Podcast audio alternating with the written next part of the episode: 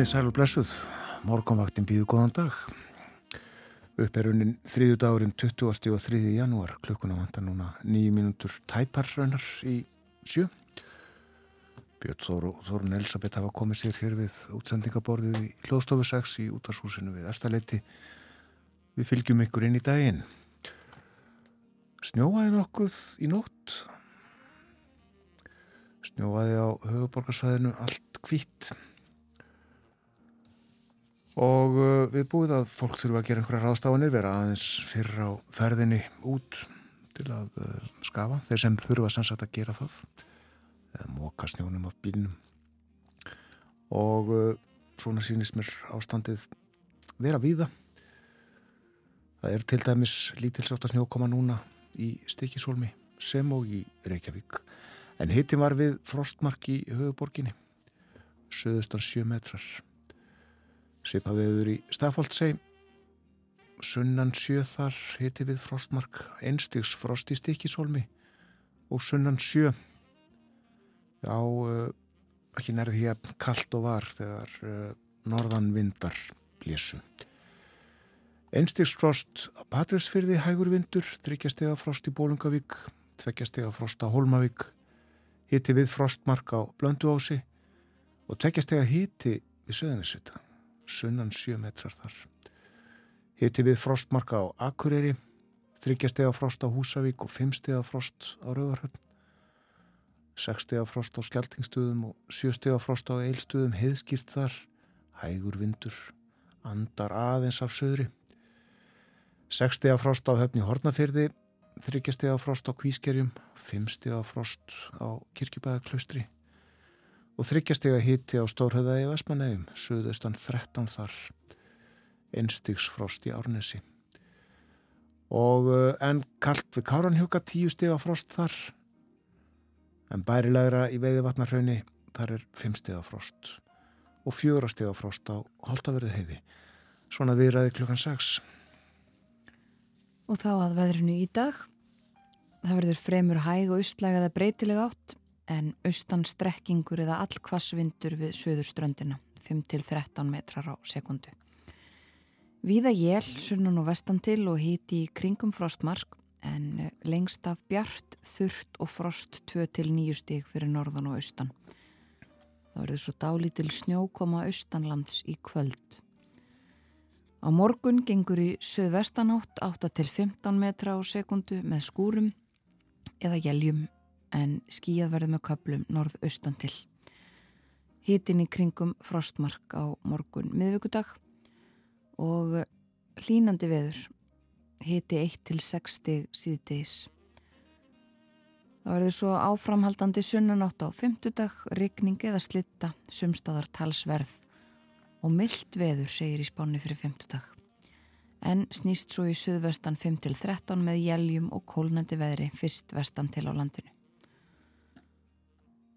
og svo er aftur komið frost í kortin á förstudag og uh, sumulegðis á laugadag á sunnudag segir bara kallt í veðri um hitastíð Og það eru hálkublettir víða á göttum höfuborgarsvæðisins og uh, almennt ímest hálka eða snjóþekja á vegum. Hálka og hálkublettir víðaskvar á Suðvestulandi og, og snjóþekja sumstaðar og snjókoma snjóþekja á flestum leiðum á Vesturlandi, þungfært á vatnaleið, þæfingur á fróðarheiði, snjóþekja víða á vestfjörðum, ófært í árnesrepp og snjóþekja á nokkrum leiðum á Norðurlandi, þæfingur á Vaskarði og Siglufjörðavegi. Hálka á flestum leiðum á Norðausturlandi og sumstaðar snjóþekja. Hálka víðast hvar á Östurlandi, snjóþekja á útvegum flughált í vatneskriðum, ófært á Öksi og Breitalseiði og hálka á þjóðvegi 1 á Suðausturlandi og snjóþekja á útvegum, hálka á hálkublettir á þjóðvegi 1 á Suðurlandi og uh, snjókoma víða og snjóþekja í uppsveitum. Svona er ástandið á vegunum. Við hlustum á tónlist, eh, hér er Neil Diamond sem að eh, flyttur eh, Ain't No Sunshine.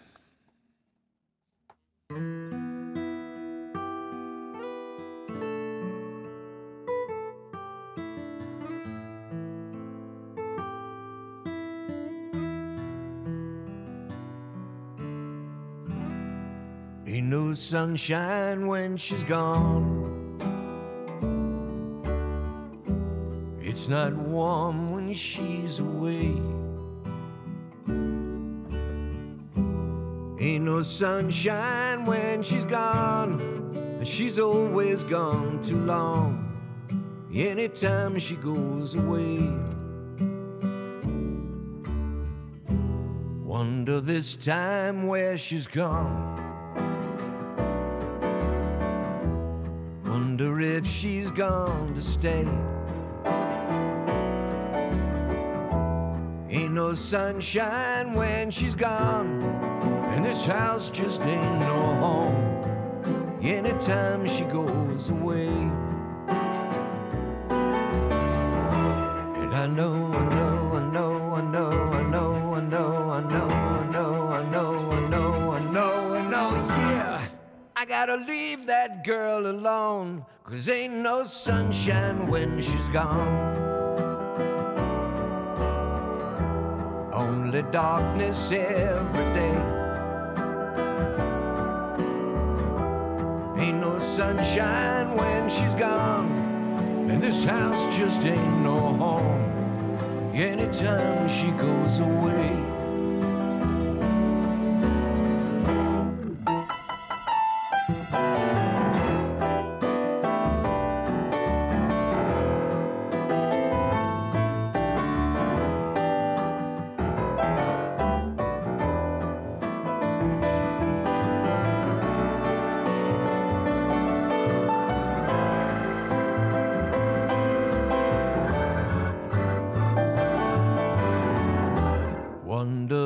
Time where she's gone.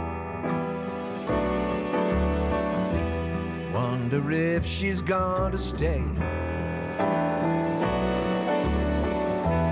Ain't no sunshine when she's gone. This house just ain't no home. Anytime she goes away.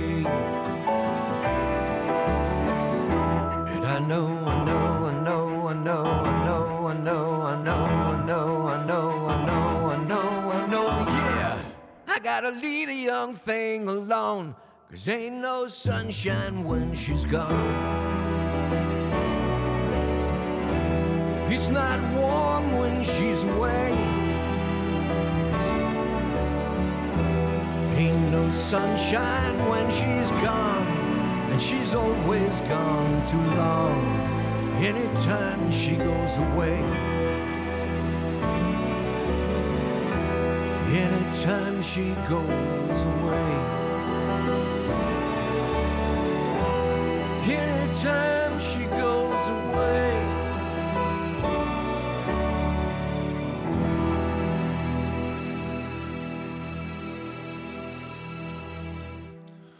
Hér var sungið um söknuð. Nei, sólinn skín ekki ef hún er ekki hér. Neil Diamond. Frettinnar koma hér eftir. Andartak eða svo við förum ítalega yfir dasgráð þáttar eins að frettum loknum.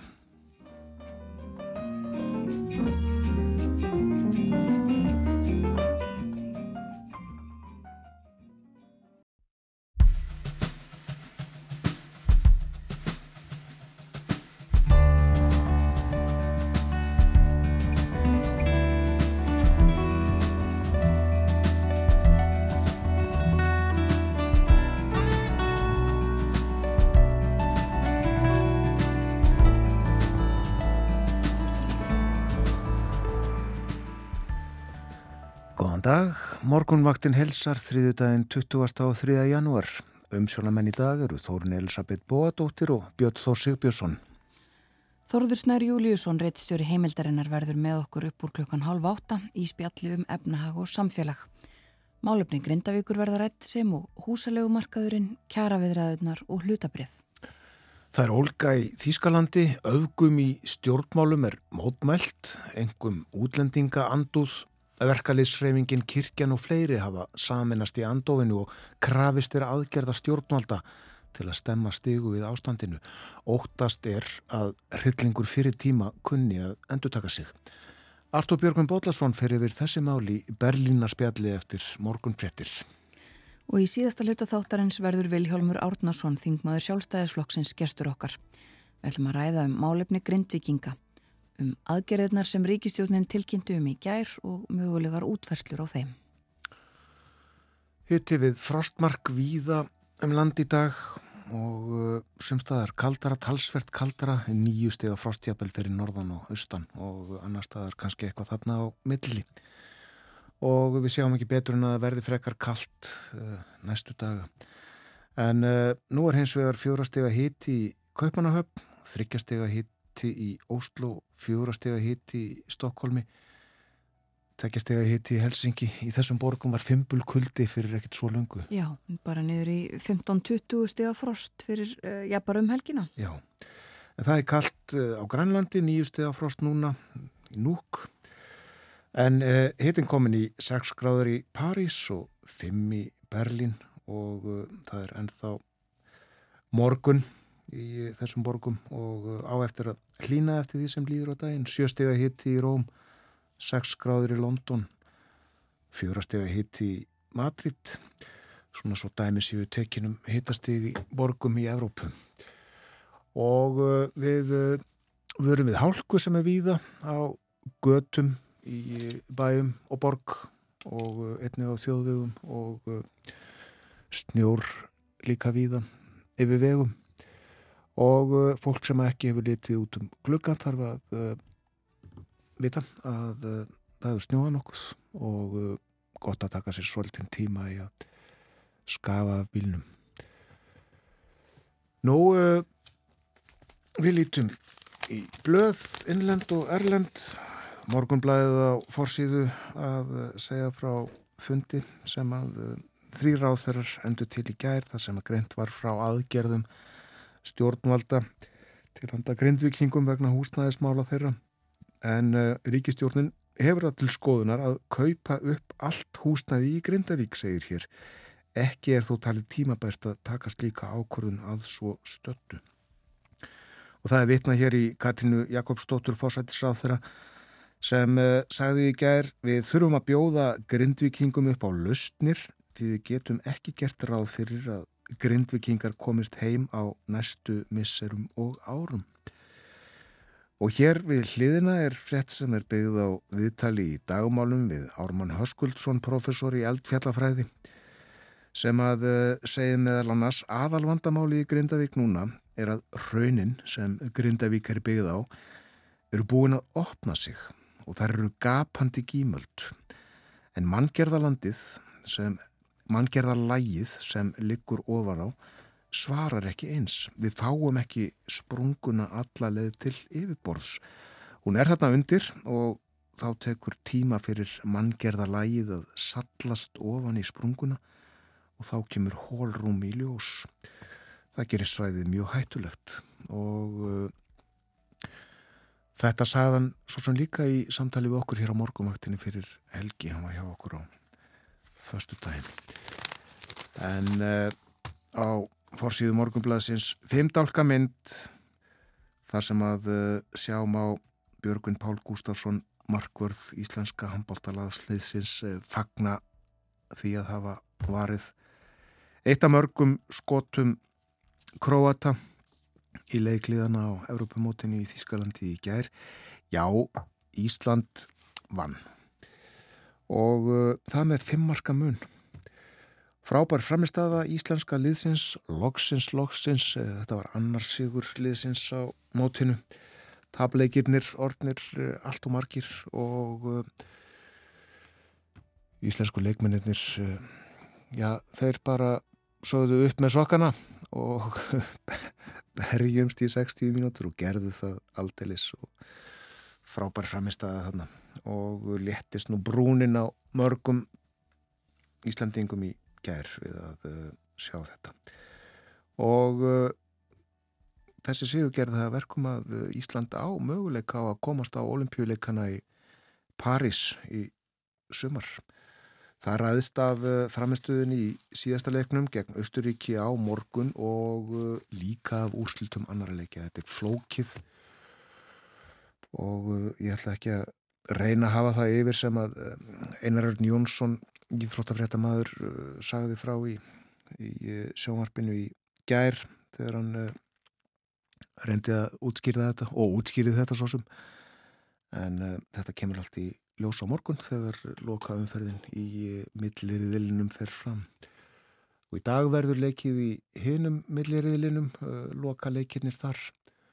En uh, par liggur þegar ljóst fyrir að Danir og Svíjar eru í undanúslitum og eftir úslit gerdagsins er ljóst líka að frakkar eru í undanúslitum frakkar og svíjar eigast við en það kemur sem sagt í ljós á morgun.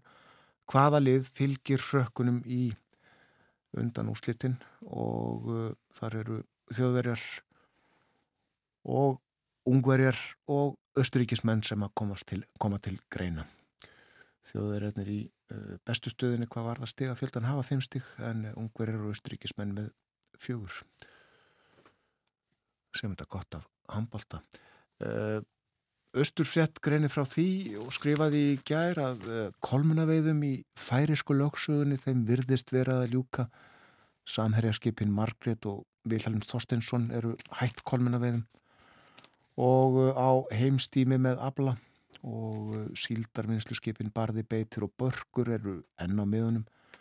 En uh, þar hefur leðinda veður trublað veiðar töluvert og uh, þessi frett, austufréttar uh, byggð á frett á við síldarvinnslunar og í gær var búist við margreti til hafnar í gærkvöldi með 1400 tonn og von á Vilhelm til seyðisferðar með 1100 tonn. og segir hér líka kolmunaveiðum í færinsku lögsögunni hefur vanlega lokið sent í janúar eða í byrjun februar uh, þannig hefur það verið á undanförnum árum En minni kraftur hefur verið veiðunum nú en var í fyrra og uh, í samræmi við það er búist við að, að veiðunum ljúki núna uh, samsagt er litið fyrr en vanalega. Lítum þá í Erlendblöð, byrjum í Danmörku þennan morgunin. Um, við rættum í síðustu viku við Borgþór Artgrímsson, tíðendamann okkar, um dönsk málefni uh, hann sáð okkur frá þessari uh, verksmiðju eða þessu um, eða það var raunar fyrir lengra síðan sem hann rætti þetta minni mig en uh, Nordic Waste heitir reysastórt fyrirtæki sem að komi ljósa hefði verið að sapna gríðalegu magni af, af jarðvegi uh, sem er mengaður og hann saði okkur frá hættunni sem að skapast hefur þar hættan á öskriðum og því að jarðvegurinn fari að hreyfast til og forsýðu myndin á politíkin í dag er þaðan frá skoðun á svæðinu og það segir að, að jörðin undir Nordic Waste hafi verið að hreyfast í fleiri ár áður en að stjórnvöld þarna á svæðinu greipu unni. Það hafi verið gerð rannsókn á þessu og hafi komið uh, jafnvel rannsakendum á óvart að það var hægt að sína fram á það að það var mikil reyfing þarna á þegar árið 2018 þetta er fórsýðu frettin á politíken í dag. Og á fórsýðun og informasjón í Danmörku þar fjallaði um vopna eðinað danskan vopna eðinað sem hefur vaksið verulega á eh, skömmum tíma og eh, hefur notið stuðnings eh, innan stjórnmálana en það segir að mistök eftir mistök hafi verið gerð þegar að kemur að stjórninni á útflutningi á vopnum og, og vopnaframleðslunni allri. Og það er stóra fórsíðu fréttin í informasjón í dag. Það er líka fjallað um uh, bandarisk málefni, við uh, komum að þeim eftir stuttastund og uh, þau eru raunar líka til fórsíðu efni á Svenska dagblæðet í, í Svíþjóð en á fórsíðun á dagins nýheter þar er fréttin um það að senkanir í lestarkerfinu í Svíþjóð kosti skattgreðendur margar miljónir í hvert skipti og uh, það er stóra fréttin þar. Í Finnlandi er, eh, er undirbúningur og kostningabárata fyrir fyrru umferð uh, eh, fórsetakostningana í hámarki. Þar er, uh, verður kosið um, um næstu helgi. Fyrsta umferðin, ég held að sé fastlega gert ráð fyrir því að þær verði tvær en uh, stuðningur uh, við, við frambjöðundur eitthvað breytast. Uh, það er sagt frá því í frétt á vef finska ríkisútasins að stuðningur við Jussi Halla Aho sem er í frambóðið þarna fyrir finna flokkin sann er það ekki sannir finnar sem hann er í frambóðið fyrir? Uh, ég manða hreinlega ekki alveg viðkynni það. En hann er komin með 18% stuðning samkvæmt nýjustu könnun aðeins 2% stugum minna heldur en sá frambjóðandi sem hefur verið í öðru seti Pekka Hafistó sem er frambjóðandi græningja. Ég held að þetta sé hárrétt muna þegar Já, já. Uh, Pekka Hafistó sagt, með 20% stuðning en uh, Alexander Stúb ennþá með uh, fórustu 22% stuðning. En það er sem sagt virðist vera frekar mjótt á munum. Bæði Stúb og Hafistó hafa fylgi við þá virðist hafa minkað 12% eh, svarenda segjast stiðja Óli Renn og það er líka aukning með að við síðustu könnun sem hér er vitnað í. Markir Íslandika munna eftir Óli uh, Renn, hann uh, var í frangotastjórn Európusambansins og fór með stækkunamálinn þegar uh, Ísland var með umsóknum aðild inni hjá sambandinu. Einmitt, við vorum, heyrðum reglulega fréttir með þessu nafni þá. Óli Renn segir. Já, akkurat. En já, eins og áður var nefnt þá eru blöðin viða í Skandinavíu líka með hugan í bandaríkjunum. Þar fer fram forval í New Hampshire í dag og uh, mikil umfjöllunum um þau mál í bandarískum fjölmjölum. Þau eru eftir tvö eins og við höfum nefnt uh, Donald Trump, fyrirverandi fórseti og Nikki Haley, fyrirverandi ríkistjóri í Suðu Karolínu og, og sendi herra á saminuðu þjóðunum og uh, Haley vonasti þess að óháðir kjósendur muni hjálpenni í New Hampshire í dag eða kvöld. Hjálpenni á sterkari stöðu, jafnvel hafa betur en en uh, Trump hefur yfirgnæfandi stuðning uh, víða. Eins og fram hefur komið uh, Ron DeSantis hætti í, í þessari barátt á sunnudag og lísti við stuðningi við Trump og kannanir sína meiriluti hans stuðningsmanna telji Donald Trump næst besta kostin í stöðunni. En Nikki Haley á kostningafundum og að ræða við fjölmela og, og hefur um, mikið gert út á aldur Trump og sömu leiðist Jós Biden fórsetta og, og líklegast að frambjóðanda demokrata Já. og uh, segir uh, viljiði meira því sama eða viljiði eitthvað nýtt? Segist að rýð þessu fyrir börnin sín uh, meðal annars en uh, það er líka uh, forval í New Hampshire hjá demokratum í dag en eins og Silja bara ómustóttir fór yfir með okkur hér á dögunum að þá uh, eru deilur á milli demokrataflokksins á landsvísu og í ríkinu sem að urði þessu valdandi að Joe Biden er alls ekkit á kjörselinu minn New Hampshire. Flokkurinn á landsvísu vildi breyta þessu og gera sögur Karolínu að, að fyrsta þeim stað sem að fyrst er, er kosið á eða greitt atkvæði um frambjóðandan um, og það forval er svo næst á dagskráni hjá báðum flokkum sögu Karolína í næstu ég. Það er eiginlega þannig með þetta kerfi í bandarækjunum að eh, eftir því sem að maður reynir að skilja það betur uh, þá finnst manni það skrifnar og skrifnara. Já, það er uh, mjög sérstakt, sérstaklega kannski fyrir okkur hér uh, sem að þekkjum allt annað kerfi en svo eru líka myndir frá Þýskalandi á fjölmörgum blöðum eða, eða minnst á þessi risastóru mótmæli um helgina. Það er til dæmis fórsið myndin á Le Monde í Fraklandi í dag eh, umfjöllunum um eh, þessi mál.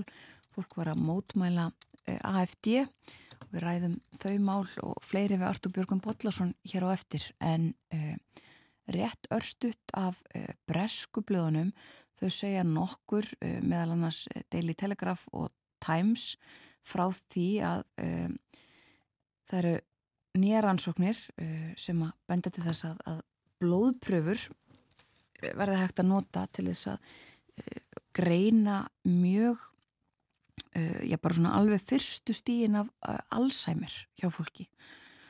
Og uh, þannig verði hægt að, finna sjúkdóminn mörgum árum áður en að nokkur enkenni koma í ljós. Og þetta er stór rannsók sem var gerð og sagt á þessum fórsýðum að þetta geti haft uh, miklar breytingar í förmið sér. Það væri til dæmis hægt að, uh, að skima alla yfir 50 og uh, finna þannig hættuna, áhættuna fyrir hvern og einn á því að fá þennan skjálfilega sjúkdóm og sagt frá þessu í nokkrum fórsýðu fréttum eins og fyrir segir og svo eru þetta sett hvað að gerast bæði eins og við heyrðum í frettunum áðan eh, í Úkrænu, loftar á sér gerðar þar í nótt. Brettar og bandaríkjaman gerðu nýjar ára á sér gegn hútum í Jemen og eh, áfram halda ára á sér á Gaza. Og uh, sagt frá því líka að það hafi uh, þó nokkur Eh, Ísraelskir hermenn fallið á síðasta sólarheng eh, í á, þessum átökum þar. Við segjum þetta gott af erlendum frettum í Billi. Lókum dagblöðunum.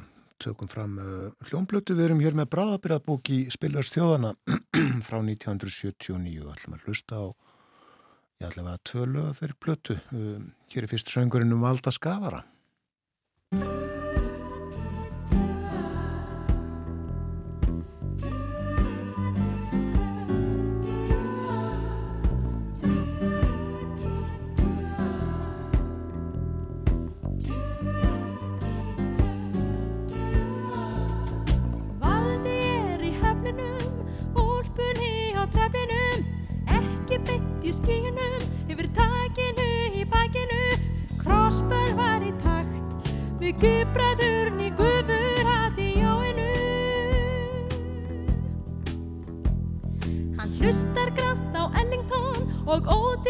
Ódýrt hafra kegsi krón svo kemur Egil Lólasson með sæmi gamla Klemensson hann slekkur strax á bakk því valda leiðis klassík nema Mendelssohn.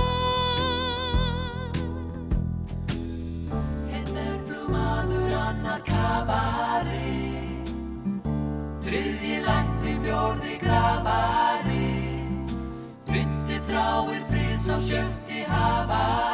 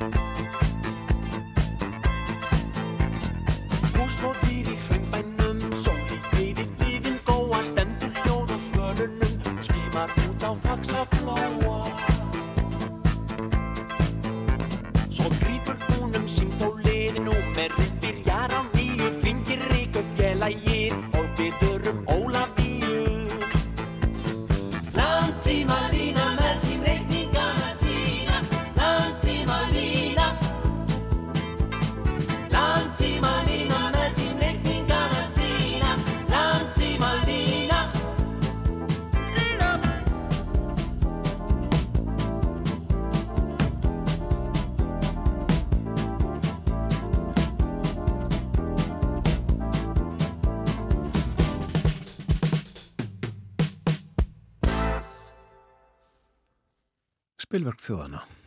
Fyrst Valdi Skafari og svo Landsíma Lína. Lög af Bráðabyrðabúki sem að kom út 1979. Valgi Guðjónsson og Sigurði Bjóla sömdu lögin og dittu með þeim. Egil var hættur á þessum tíma. Búin að stopna þussaflokkin. Við fáum fréttaði lit hér eftir stuttastund. Eftir fréttaði yfirliti verður Þórður Snar Júlíusson með okkur. Efnahagur og samfélag á dagskrá á morgunvaktinni á þriðutugum.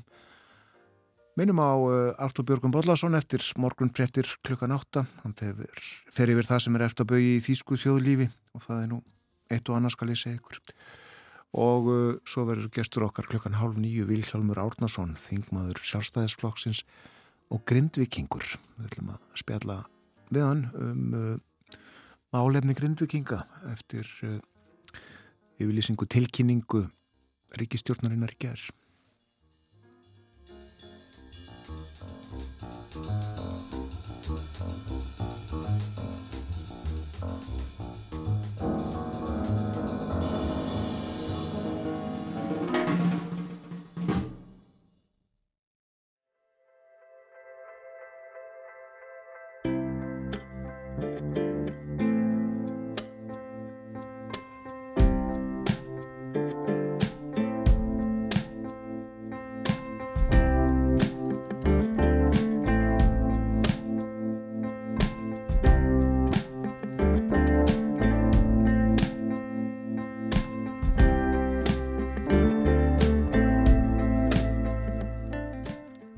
Aftur, þetta er morgunvaktin á rás 1, klukkan réttliðlega hálf átta, það er þriðu dagur í dag, 20. og 3. januar, 20. og 3. dagur ásins 2024. Veðurhorfurnar eru svona, það verður austlag eða breytilega átt í dag, vindræðin 3-8 metrar á sekundu víða, kvassara með söð-östurströndinni, 5-13 þar, jél og hiti kringum frostmark, sunnan og vestan til, en uh, lengst að þurrt og frost 2-9 stig fyrir norðan og austan. Þetta er sagt svolítið ólíkt eftir, hvar, eftir hvar við erum á landinu. Og uh, á morgun miðugudag þá verður uh, suðvestanátt 8 til 15 metrar skúrir eða jél en bjart með köplum norðaustan til og morgun verður hitin í kringum frostmark mun uh, hlína sem sagt uh, svo litið það sem hvað kaldast verður í dag og uh, hálka víða á vegum og uh, snjóþekja jafnvel yfir, uh, já það snjóaði nokkuð uh, víða á landinu í nótt. Ég minni á að Artur Björgum Bodlason verður með okkur í Berlinarspjalli eftir fréttinnar klukkan 8 og uh, klukkan hálf nýju verður hér Vilhjálmur Árnason, þingmaður sjálfstæðisflokksins og Grindvikingur. Við ætlum að spjalla við hann um uh, málefni Grindavíkur, húsnæðismálinu þetta fyrst og fremst en líka ímislegt annað. Og uh, það er líka fyrsta mál á dagskrá í uh, spjalli okkar um efna og samfélag með Þórðisna Júlíusunni reitt stjóra heimildarinnar. Góðan dag og velkomin til okkar. Takk fyrir. Já, uh, ríkistjórnin uh, upplýsti á fundi með fréttamönnum í dag hvernig hún sér þetta fyrir sér muni verða en ímislegt er þó ófrágengið óákveðið hreinlega óútfært en þetta er uh, eða hvað uh, svona í samræmi við það sem að uh, margir hefur gert sér í hugalund að yrði niðurstaðan? Já, kannski stóru tíðindin eru auðvitað þau að, að, að það er uh, ríki sagði það eða, eða þeir sem stýra landinu í dag sögðu það að ríkið muni taka þetta á sig.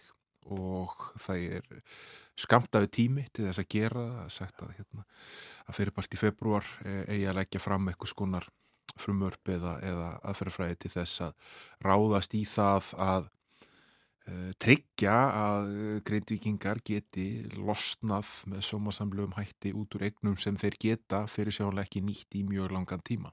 og svona afdráttalös yfirlýsing hafði ekki komið fram áður. Nei, nei, og hérna, og auðvitað verið kalla tölut eftir henni og, og kannski skýrasta byrtingamenn þess íbúafundurinn sem var haldin í lögutsöll í síðustu viku þegar afstæða greindinga var mjög ljós. Og hún hefur unlega verið það, uh, hygg ég, frá því að uh, þetta hörmulega slís átt sér stað í Grindavík þegar hérna maður sem var að vinna að því að fylla upp í sprungur hérna hvarf og í einast líka og svo þetta með gósinu sem fylgdi í kjölfarið að þá svona liggur dóldi ljóst fyrir að, að það uh, er ekki fyrirsjánlegt að grindingar geti snúið heim með góðum hætti. Og þá þarf að mæta þeirra stöðu til langtíma, ekki bara skamtíma og aðgeri stjórnvalda hinga til höfðu verið skamtíma aðgerir. Í þessum bakka sem var kynntur í gær þá var líka uh, svona bætt vel í skamtíma aðgerinnar. Það var uh, frambóð og húsnaði verður aukið með frekar uppköpum og hagnaðadrifina legufélaga sem eru með ofnbæra aðkomu til þess að, að reyna að koma fleiri grindvikingum í skjól. Við skulum muna það að það er mjög margir sem búa í grindæk sem er ekkit komnir í neitt varlegt húsnaði, eru bara á hótelum eða, eða upp á svona uh, bara einn bjargir komnir. Uh, það uh, var tekið svo ákvörðun að taka að ríkið myndi stíga inn í og taka yfir uh, þetta þrætumál sem snýrað uh, þeim 100, hvað er, 131 lífyrirsjósláni sem er í Grindavík uh, og hefur leitt til þess að það hefur fram, farið fram mótmæli í andirum lífyrirsjóða nokkru sinnum og, og mjög hart á tekist vegna þess að þeir sem eru með lán hjá lífyrirsjóðum hafa þurft að já, uh, sætti sig við það að vextur verðbættur leggjast áfram á höfustól lána sinna og meðan uh, bankar hafa gefið skjól þar og, hérna, og ríkið er loks búið að stíga þar inn í. Ríkið er líka að hækka framfæslu og húsnæðastunning núna verður húsnæðistunum ykkur 90% kostnaði við leigu í stað 75% og lengja í þessu öllu saman fram í júni til að byrja með.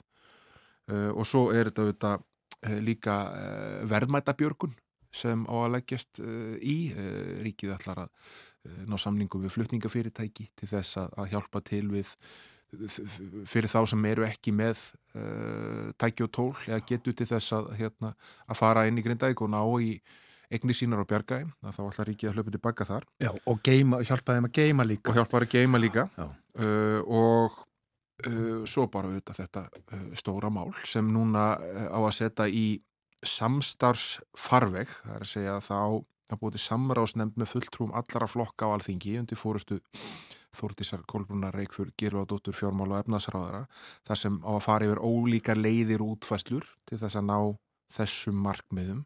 Og þetta á alltaf líka fyrir snemma í februar þannig að þau snýða sér líka skamman tíma Já, en þetta er uh, auðvitað flókið, uh, það þarf að finna peninga og uh, það þurfa að vera lagastóðir fyrir öllum þessum aðgerðum og, og það þarf að gæta því að fólki sé ekki mismunað á þarfandi göttum. Já, ég held að, hérna, og það kom svo fram í yfirlýsingu á stjórnarásvefnum í gær að, að hérna, að út, það er ekki bara útfæsla aðgerða sem á líka fyrir snemma í februar, heldur líka nöðsynlega lagafrum upp til þess að hægt sé að ráðast í þær útfæslur og uh, núna líkur líka bara alltaf að skýrari mynd fyrir um það hver áallega kostnaður við þetta allt saman er. Og hvaða tölur er nefnda? Já, fastirna mat íbúðar húsnæðis í Grindavík. Við höfum verið svona daldið að, hérna, uh, í ofnbæru umræða að tala um uh, fastnamat og brunabótum átt alls húsnæðis og, og það eru þetta munur á mjög, mjög atvinnhúsnæði líka innan bæjamarkana og þetta er bara stórt og mikið atvinnhúsnæði uh, er uh, cirka 73 miljardar króna þannig að það má ætla að þar eitthvað staðar verði svo tala sem þarf að horfa til og Þórti Skólbrún saði það raunlega sjálf í fréttum að við varum að horfa á, á eitthvað pakka sem væri norðamegin við 70 miljardar Já, brunabótamatið 82 Já, kallir. og, og mögulega geti verið lendingin eitthvað stað þar á milli Mm. Það áttir að koma í ljós það eru líka bara aðrir hluti sem þurfa að skýrast áður en að þau farið í eitthvað svona almenna aðgerð gagvart þeim sem eiga hús sem eru ekki skemmt við erum auðvitað með náttúru hann fara tryggingasjóð og hann er með endurtryggingar erlendis og það þarf að greiða úr uh, því hversu mikið fellur undir þá tryggingu hversu stór hluti af húsónum er uh, ónýtur eða, eða fellur undir skilgrinningu á því að vera ekki notæfur sangkvæmt þeim tryggingaskilmálum og þá koma þær greiðslur þaðan. Það eru um, tölvöld fjö í náttúru hann fara tryggingasjóði og svo aftur endur tryggingar hjá erlendum tryggingafélögum sem, sem eiga að mæta. Þannig að það geti dreigið úr kostnaði ríkisjóðs þegar það er búið að meta ef að þeim húsum sem eru dæmt uh, ónýt fjölgar og maður getur ímyndið sér að þessi vinna sem er núna í gangi við það að kortleikja um, holrými og, og þessi gímöld sem getur verið undir Grindavík muni vikta þar inn í vegna þess að ef það er holt undir húsi þá uh, má allan að fara góð rauk fyrir því að það húsi ekki íbúarhæft og þar er leiðandi ónýtt Já. uh, og svo eru þetta eftir að, að hérna, það eru lánveitendur uh, bankar og, og eins og við myndumst á aðan lífyrirsjóður sem hafa lánað fyrir kaupum á þessu húsnæði. Og það eru um 22 miljardar króna sem eru þar undir og, og þorrin hjá böngum uh, og það er uh, ég skil ekki orðaðu stjórnmálum manna öðru sí og kannski þetta bara eðlilegt að þeir sem hafa tekið áhættu með því að lána í ykkur verkefni og veð í egnum að þeir þá uh, taki þátt í því að, hérna, að bera byrðarnar þegar, þegar svona fer og það er vantalega samtal sem stjórnvöldi eru í virt samtal sem þau eru í við núna við þessar lánastofnanir Já, og á he- helsti e, lánveitandin e, úr rauðum bankana er landsbankin held ég. og það er náttúrulega þetta uh, skamt yfir að leita í ljósi þess að hann er að nánast öllu leiti í eigu Íslenska ríkisins Akkurat, en það kom fram að Bríett það, uh, á að kaupa 50 íbúði til viðbótar við þær 80 sem að kipta voru í desember og ennfremur til viðbótar við þær 70 sem að unnið er að kaupum að þessa dagana og svo á íbúðafélagi Bjarg að kaupa 60 íbúðir. Eru allar þessar íbúðir til? Um, sko já, það er auðvitað verið að kaupa íbúðir sem það hefur verið træða í að selja uh, í sölu nýbygginga uh, við það hérna, og undarfærið bara vegna aðstæðina uh, og það hafa ymsi sem hafa ráðist í framkvæmdir verið að byggja húsnæði sem sannlega þörfa á en þetta er vandrað með að selja vegna þess að auðvitað markaðurinn hefur kóluna mjög rætt uh, samhliða hárið verðbólgu og miklu vaksta hækkunum þannig að uh, það verðist alveg aðgengi að tölveru magni af íbúðum og þetta eru svona 260 íbúður í heild sem ríkið er þá búið að kaupa frá uppafi tímbilsins og getur þá selt aftur uh, ef að svo ber undir og, og, og þegar hérna nær dregur. En þetta eru þetta samt ekki segja, þetta er ekki nóg. Í grindaði gerum við hvað yfir 1200 heimili og uh, þetta er þá uh, já, nær ekki fjórðungi af því.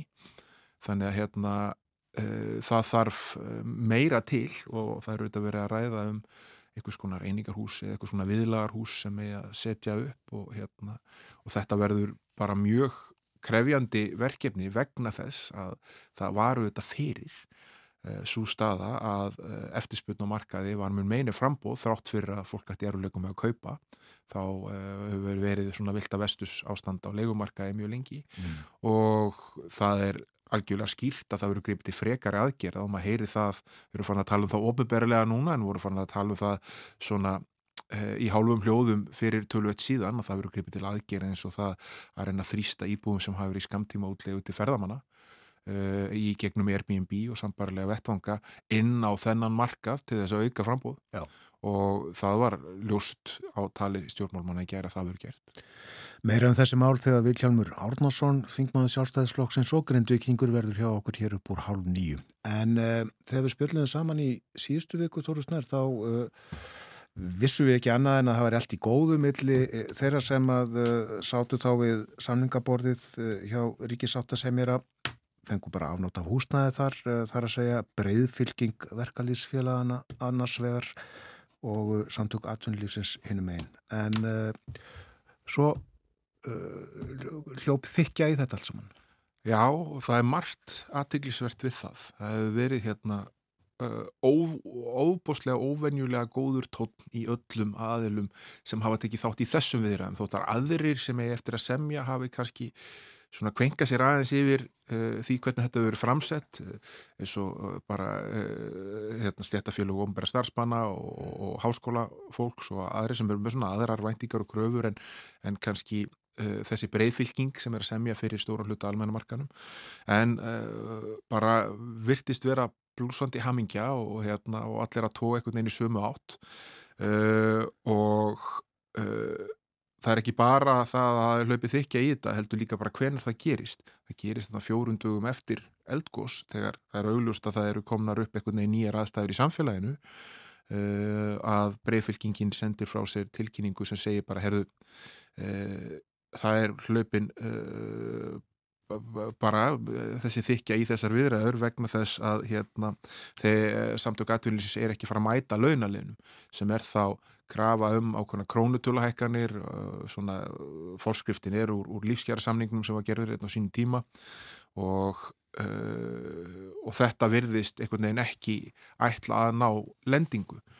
Og svo hefur þetta verið svona hérna, kurtislega erfitt og kannski með tilliti til annar aðstana undarfarnar daga og uh, áttu voru fundur í gær uh, kom svo sem ekkit mikið fram eftir að honum laug en uh, svo horfðum við á Silvrið hérna uh, á Rúf í gerkvöldi þar sem uh, formaði sjálfstæðsflokksins var til viðtals og þar lagði hann mikla áherslu á það að, að aðgerðina sem á að ráða stíka hvert Grindavík það er munu kalla á forgangsröðun og myndi sérstaklega á kröfur uh, sem hafa verið settar fram í tengslum viðgerð kjærasamninga, sérstaklega uh, mikla aukninga og kostnaði í uh, tilfæslukerfin, það er sér barnabóta og, og vakstabóta kerfin sem hafa verið reknaði niður á svona 20-25 miljardar ári og er eina frum kröfum þessara breyðfylkingar fyrir því að semja og gera þá það kröfur á ríkið. Og ég átti nú erfitt með að skilja Bjarnar Bendilsson öðru sem það að hann var að slá á þær væntingar að minnstakosti ídrustu kröfur um uh, þessa aukningu inn í þessi kerfi eru þú að veruleika í ljósi þeirra aðstæðan sem eru uppi geggat grindvingum og það munum að vikta þá beint inn í þessa kjærasamningu. Já, mér finnst bæði uh, ja, annarkort fósættisáþur eða fjármálaráþur að hafa sagt þetta líka ekki að sveigrúmið hefur minkað. Mm. Og forgangsröðun nöðsynlega. Já. Við sjáum hvað setur uh, í kjara viðræðum en uh, við ætlum að tala þessum leikumarkaðin og uh, hann er, ef að segja tvenskonar, uh, annars vegar almennur og hins vegar að einhverju leiti, já ekki kannski félagsliður en uh, óhagnaða drifin getur við sagt. Já, uh, og auðvitað er hann einhverju leiti líka félagsliður og það, það, það vantar. En það, það sem hefur verið gert er það að það er að sapna betri upplýsingum um legumarkaðin þar hafa auðvitað ekki verið góðar og við hefum verið að byggja alls konar ákvörðunatöku á uh, já, upplýsingum sem hefðu þurft fyrir alls í lungu uh, síðan að vera tölvert betri. Og það sem hefur verið að gera innan húsnæðis og mannvirkjastofnunar er að taka saman uh, nýja leiguskrá og hún er ekki fullkomin enn sem komið er en það er verið að sapna saman E, leigusamningum og upplýsingum um, um leiguverð e, á hátt og viðfermar hátt en hefur verið gert áður og það var kynning í síðustu viku það sem var verið að hérna segja að þetta fermetra verði í leigusamningum hjá þessum hagnaðadreifnu leigufélögum uh, og einstaklingum sem eru að leia uh, út hagnaðardreifið, þetta fölta fólki bara sem á auka íbúður, væri um uh, yfir 3000 krónur á fermeter á meðan að veri var að bjóða óhagnaðadrifin hjá óhagnaðadrifnum leigufélögum eins og til dæmis Bjergi sem við myndumst á hér áðan þar var það undir 2000 krónum og uh, fermetra verið á húsna sem sveitafélög er að leiða út sem eru þá félagsbústöðum hérna í Reykjavík sem er langstæsta uh, félagslega uh, íbúðarfélagið hérna, sem er að leiða út félagslegt húsnaði þar er það rúmlega 2500 krónur. Þannig að hagnaðadreifnu leigufélögin eru samkvæmt þessum tölum að rukka yfir 60% herri leigu en óhagnaðadreifin leigufélög. Og þetta svona kannski, auðvitað, það kemur ekki óvart og kannski líkur í hlutaris eðli að hagnaðadrifin leigufjölug séu að rukka herri leigu en þau sem eru óhagnaðadrifin eh, þarf að hafa hagnaðastar sem munir sinni hinn ekki en þessi munur eru þetta aldrei sláandi. Já, þannig er fólk og þetta bara reynum og klánum viðskiptum. Það er að reyna að hagnast. Já, það er auðvitað undirlíkjandi hjá almennum leigufjölugum að þau eru að gera það en á meðan óhagnaðadrifnu fjölugin sem eru samansett úr alls konar stjórnvalds ákförðunum líka, það er hérna, lagað til lóðir á kostnaðar og það eru rekstra framlög frá úr, úr, úr, ríkisjóði inn í slík félög og, og þar er e, ábatinn sem þarf að hafa, hann á að standa undir viðhaldi og rekstra kostnaði félagana og ekkit annað, það er yngar væntingar um arðgreslur eða neitt slíkt. En á meðan hagnaðadrifin legufélögu þetta vilja græða peningin, það er ykkur alveg hlutar að segli. Ertu með á hreinu e, e, eða svona um það byl hversu margar íbúðir eru í útlegu á vegum þessara legu fyrirtækja?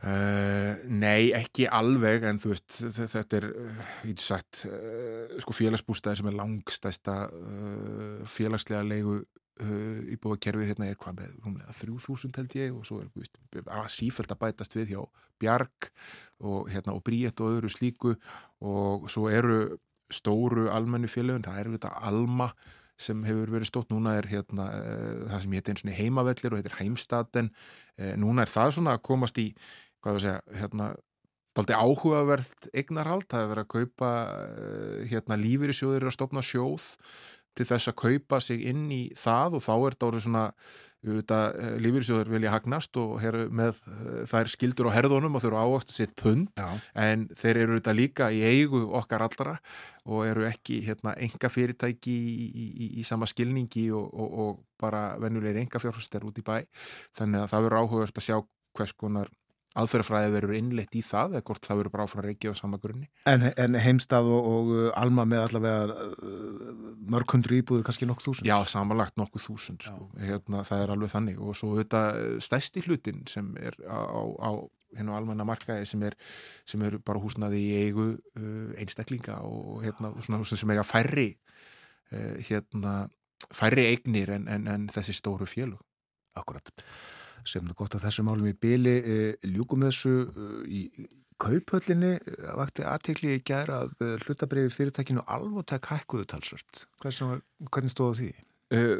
Það stóð þannig á því að fyrir helgi var upplýst eða upplýst í alvotæk að hérna að úttækt eftirlits aðila matvæla og lifi eftirlits bandarækjana eða FDA á framlegslu aðstöðu alvotæk hefði verið lokið og að ein aðtöðsend hefði verið gerð og að Alvotek ætla að senda svar við þeirri aðtöðsend og allar næstu dögum. Og þetta, e, þessar úttektir hafa verið það sem hafa tafið framgang Alvotek e, aðal e, livja hliðstæðan sem Alvotek hefur verið að reyna að koma á markað heitir AVAF T02 og er hérna livja eh, líftækni lifiðarleirstaði í háum styrk fyrir útskiptileika liðsins Humira sem er notað til meðferð við liðagikt og öðrum bólkusjúkdum og er eitt með setta liði í heimi. Og uh, stór hluti af hagnaðar áformum Alvotek er það að koma þessu lifi á markaði bandarækjunum og þarna var með þessari tilkynningu Alvotek að gefa væntingar til þess að þetta gæti farið að gerast. Og gæti raunulega gerst þannig að markasleifið gæti fengist eh, fyrir 24. februar og svo eru þau með annað liv sem er líka að býða eftir því að eh, framlýslu aðstæðan hjá Alvotek fái nægilega vottun hjá FDA og, og, og sem heitir AVAF T04 og að það geti þá mögulega komist á marka fyrir 16. apríl og þetta gerir það verkum að hlutabrefverðið raug upp í gær um 14,5% á endanum og, hérna, og þetta er svona komið eh, markasverði alveg ekki komið á svona svipaðslóðir og það var þegar það var hæst það er í kringum 580 miljardar eh, þannig að það voru mikla vendingar núna bara síðustu daga, við fengum líka nýja vendingar hjá Marel. Hvað er þetta Marel? Marel uh, virðist nú vera komið í þann fasa að yfirtöku tilbúðið verð alvöru yfirtökutilbúð ekki óskuldbundandi yfirlýsingar um mögulega yfirtökutilbúð er væntalegt núna e, bara í februar eða á næstu vikum á, fyrri, svona, á, á fyrsta ásfjörungi og februar eða mass þannig að hérna og það er þetta sama bandaríska félag? það er JBT og það er alls konar sem er að gerast er hækkuðu tilbúðið aðeins aftur Uh, og það er búin að sátt um það að félagin heita JBT Marel það er svona, eitthvað svona legacy hér komið sem er þar og höfustöðunar í Evrópu verða hér á Íslandi það verður tvískráning á félaginu þannig að verður áfram á markaði á Íslandi. Og hérna og svo, svo þurfa hluta að vera að velja svona hvernig þeir fá borgað eh, hvort þeir fái borgað bara í reyðufjöðu eða hvort þeir fái borgað í, í hérna hlutabröfum og hversu mikið þá þeir alltaf fá borgað í hlutabröfum en þetta virðist allan að vera að komast á þann stað að það eru þá mun meiri líkur en minni að þetta mun allt saman ganga eftir og eftir verður þetta ristóra fyrirtæki í JBT Marel. Það eru þetta margt fólk sem á hlutabröf í Marel eh, svona fyrir, fyrir kannski einhverja þúsum kalla, hefur það eitthvað um þetta að segja? Í enda dags nei, eh, það eru þetta bara það eru stóra eigendunir sem að taka ákveð Já, ég meina það, þarf auðvitað bara ákveð meiri hluta til þess að samþykja þetta. Og, og, hérna, og það líkur fyrir að langstæsti eigandin í Marel sem á 24,7% hlut í Marel uh, sem er Eirir Invest uh, þeir eru búin að skuldbinda sig til þess að standa með þessu þessu, þessari yfirtöku og það er aflegginga eitthvað sem við höfum rætt hérna ansju oft. Eh, mikið til dramatík sem átti sér staði innan þessara félaga núna í haust. Þannig að hérna það er, eins og ég segi, að það getur ráð fyrir því að hluttáður í Marelmun eignast um 38% í saminu við félagi uh, og uh, þetta virðist vera að þokast uh, í þessa átt. Við séum að fara að sjá JBT Marel verða til. Það er myndið að við fylgjum með þessu áfram. Svo þarf einhver tíman að segja söguna alla Þakkaði fyrir að vera með okkur í dag, Þórðusnar Júliusson, reittstjóri heimildarinnar. Takk. Það líður að frettum koma hér eftir uh, tæpar fimm minútur. Eftir frettinnar verður Artur Björgum Bodlason í Berlin með okkur og hann ætla meðal annars að segja okkur frá þessum mótmælum, þessum gríðalögum mótmælum sem hafa verið víða í Þýskalandi að undanförnu þar sem að uh, útlendinga andúð er mótmælt. Og hálf nýju þá kemur til okkar Vilhjálmur Árnason, alþengismadur, sittur á þingi fyrir sjálfstæðisflokkin, hann er frá Grindavík. Við ætlum að ræða um málefni Grindavíkur við hann.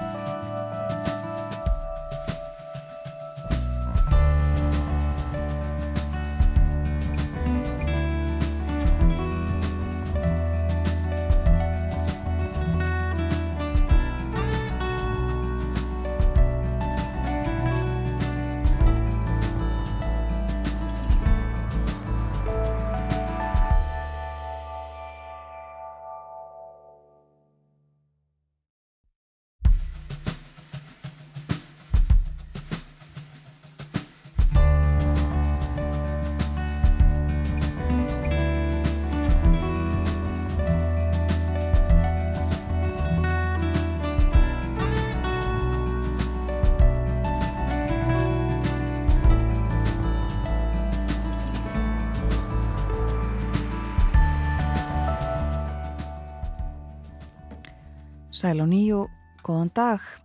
Morgunvaktinn á ráseitt heldur áfram. Klukkan er tæpar 6 minútur gengin í nýju og það er þriði dagur í dag, 20. og 3. janúar. Við rættum við Þórsna Júliusson, rittstjóra heimildarinnar áðan meðal annars um málefni Grindvíkinga og þau verða aftur til umfyllunar í síðasta hluta þáttarins þegar að Vilhelmur Átnarsson, þingmaður og Grindvíkingur verður gestur okkar. En nú er komið að Berlínarspjalli eins og yðurlega á þessum tíma á þriðutugum. Heitlu sætlu góðan dag, Artur Björgum Bollarsson. Góðan daginn.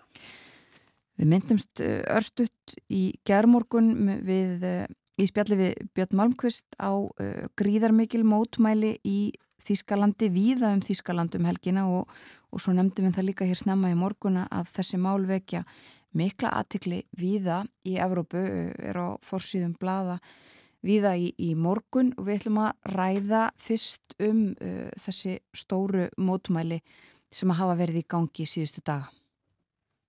Já, það er alveg smaknað að fylgjast með því hvernig þjóðverðir hafa hópast út á gödurnar í öllum helstu borgum og stærri bæjum landsins undan þetta daga og ekki skrítið að það komist í heimspressuna. En til þess að röstendur fáið svona hugmyndum þennan mikla fjölda það má nefna um síðustu helgi e, munur tæplega miljón manns hafa tekið þátt í mótmælagöngum og útifundum hér í Þískalandi. Og e, sem dæmi má nefna líka að, að hátt í 300.000 manns munu hafa verið á útifundi sem var haldinn í München, höfðborg Bæralands og það er nú eða meiri mæting heldur en á Bjórhaldsina miklu sem er svo stærsta í heimi en það er nú annar mál. En e, þegar ég var að horfa á myndir frá þessum fjölmenna viðburði í München tók eftir því að mannmerði náði alveg frá viðtorginu Maríanplats og upp eftir breyðgötunni Leopoldstrassi.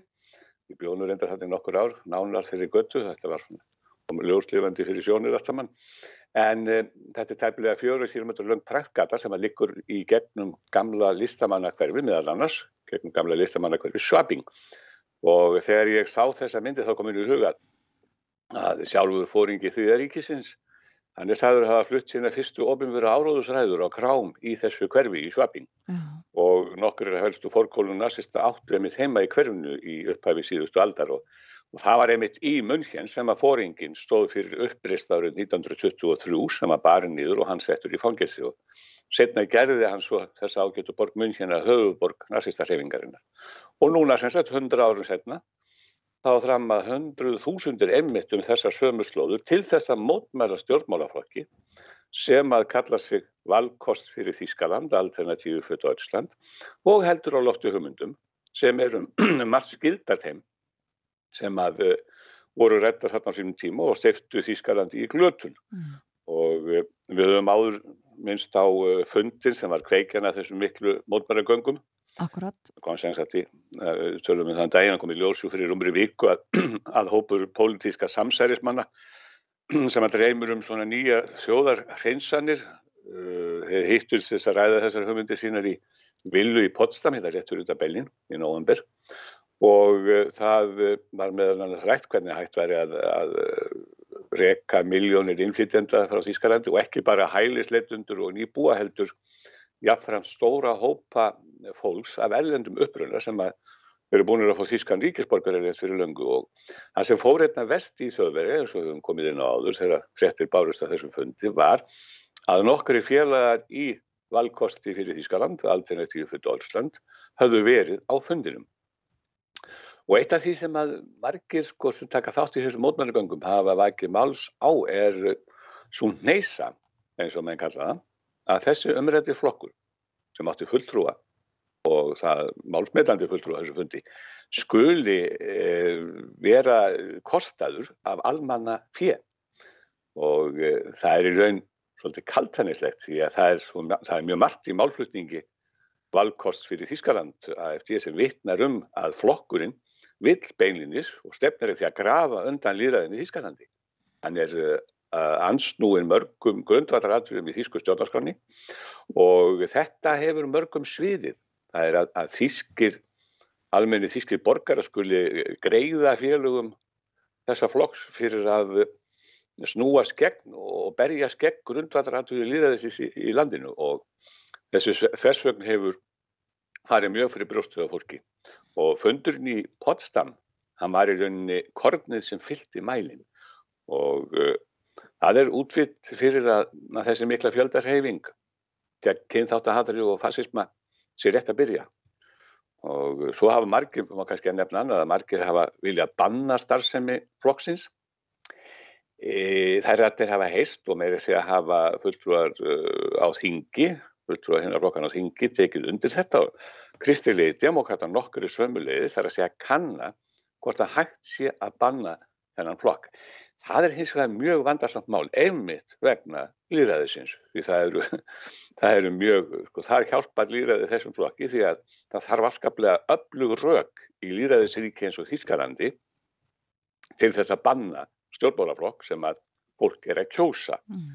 og uh, margir sem að halda þið fram að ef að svo leið yrði farin uh, þá myndi það virka svona sem vatn á milju kölska eins og menn segja því að þá getur flokkurinn farið í píslarvætti og fylgjendum hans jafnvel fjölgað enn. Og það er nú hjá það bætandi því að uh, samkvæmt könnunum þá hefur flokkurinn núna um, rúmlega 20 af 100 fengið 20 af 100 atkvæði eða góðsýrið núna í Þískarandi öllu og í austur þísku fylgjónum þar sem hann er öflugustur uh, þremur þeirra, í þremur þeirra verður góðsýr til fylgisinga í haust og þar er hann sumpart bara komin upp í 30% af fylgi þannig að það væri nú ekki kannski gott að gera eitthvað sem er til þess að hann fengi enn meira, meira fylgi. En svo hefur komið fram svo hugmynd að, að setja lögbann á einstaka forsprakka flokksins.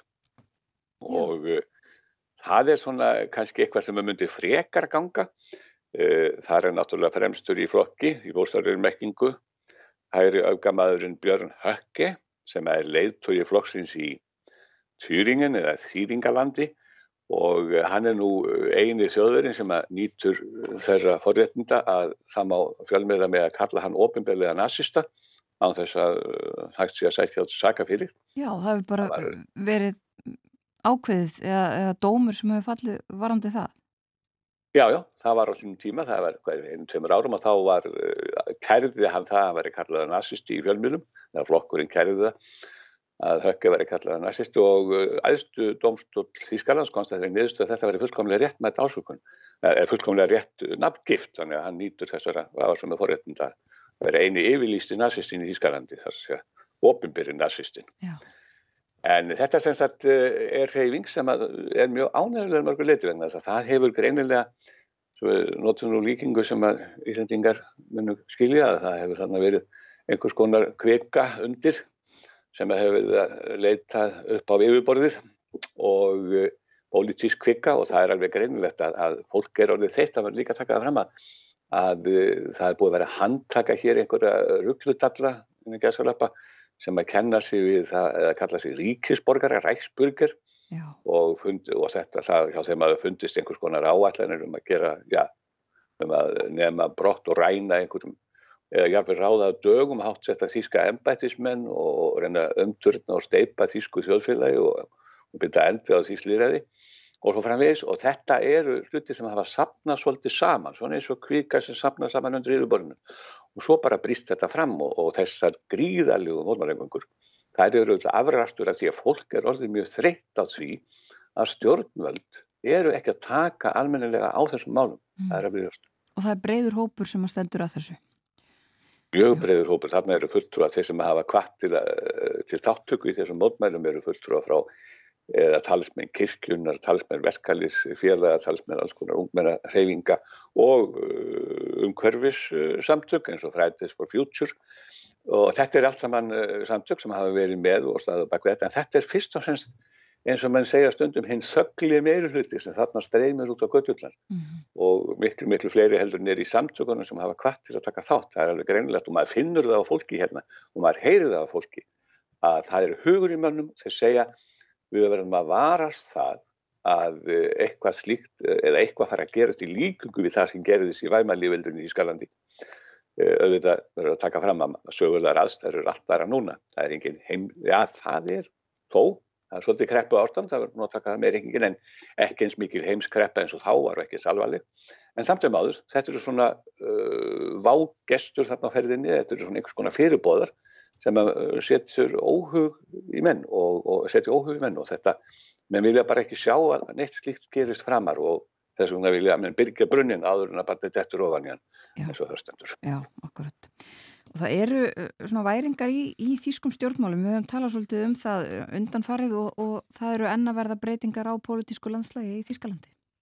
Já, það eru miklar væringar og mikið uh, rót í stjórnmálunum hér og nú er nýjur stjórnmáluflokkur í börðalínum. Það kom í ljós í síðustu viku að, Hans Georg Maasen sem er nú fyrirverandi yfirmæður þýsku öryggismálastofnurinnar, það er sem Schutz og hefur til skamstími verið fulltrúi í kristilega demokrataflokkum. Hann ætlar að stopna nýjan flokk og það er nú öruglega margir hans flokksmenn ánæði með það því þeir eru búin að vera að reka hann úr flokknum í, í, í 20 ár því hann hefur þótt hafa verið orðin daldið aukafullu þjóðinni sinni og Þannig að hann hættir nú vendanlega í þessum flokki sínum, í kristilega demokrataflokkum og uh, ja, hann verður reyndir að það hann stopna nýjan flokk og, og flokkurinn á að, á að bara þá að stopna núna í februar. Já. Og þessi flokkur, hann uh, gæti hugsanlega krætti eitthvað af atkvæðum á hægri kantinum, uh, bæði frá svona auka hópum innan kristilega demokrata og líka úr frá alternatífu fyrir Deutschland eða valkosti fyrir Þískaland, uh, því að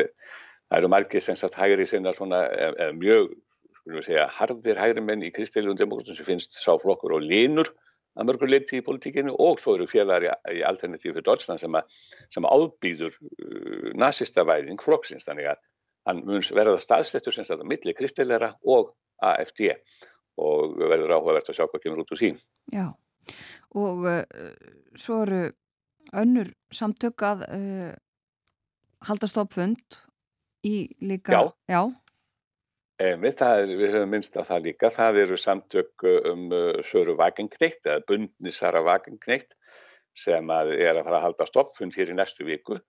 Þá flokkur var formlega stopnaður, það er að halda fyrsta, sitt fyrsta þing, í næstu flokksting í næstu viku og þá flokkur var nú formlega stopnaður í byrjun, byrjun janúar og Hann er uh, stopnaður upp úr klopningi frá því linka eða vinstris, klopningi vinstinsins og uh, margir af fyrir þingmönnum vinstinsins í linka þeir eru því flokki og undir fórustu Söru Vagngleit sem var sömulegis lítiríkasti og mest áberandi stjórnmálmaður þess flokks. Mm og þannig að hann er svona, já, hægri vinsti, það er svolítið flókin myndafræði sem þeir eru með, þeir eru svolítið skildir kannski alternatífi fyrir Deutschland í sambandi við útlindjand, svona innflytjanda og útlendingamál en aftur á móti mjög róttækið þegar kemur að velferðarmálum, það er, svona blend, blendingur en hann gæti líka tekið frá uh, alternatífi fyrir Deutschland eða valkosti fyrir Þískaland því að Sara Vagnkneitt er mjög vinsal í östu Þískalandi og það er búin að koma í ljós. Þannig að það eru tveir flokkar sem munum kroppa í fylgi þetta mikla fylgi valkostsins fyrir Þískaland á í næstu kostningum eða í kostningunum við höfum smá búast við. Þess að búast við að hann muni, hann muni eitthvað,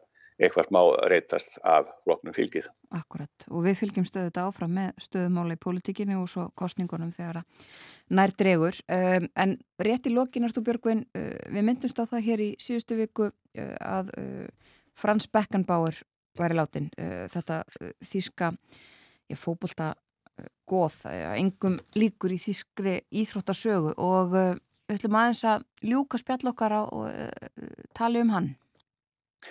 Já, það var uh, mikill sjónarsvittir af þeim manni og eins og þú segir þetta var algjörð fótbollta góð og það var haldinn tilkomi mikil minningarættöfn á leikvanginum, knastmyndu leikvanginum í München um Beckenbauer núna í núna helgina þar sem að hann var sko, hann var fættur upp alveg í München og, og eitti sínum ferli meira og minna, hann átti sem fyrir meira og minna með Bayern München, stól liðinu frega og bjóðum reynda síðustu 20 árun í Salzburg og þar bjóð líka annar maður sem kom við sögu í þessari minningarættum en áður en að við komum á honum þá kannski rétt að nefna að sjálfur Steinmeier Fossetti flutti tölu á þessum leikongu. Það er nokkið hverjum degi sem að fórsetin treður upp á úti fundi til minningar um mann. Nei. Og Sjóls konslari var líka á staðnum og sem á allir helstu afriðsmenn þjóðveri í þóttum síðustu ára tugina. Það var mikið safn af þekktu fólki og eh, brett, sem það bæviski óperusöngvarinn og, og góðvinnur eh, Beckenbauers, Jónas Kaufmann, sem að fættist eins og hann í München og,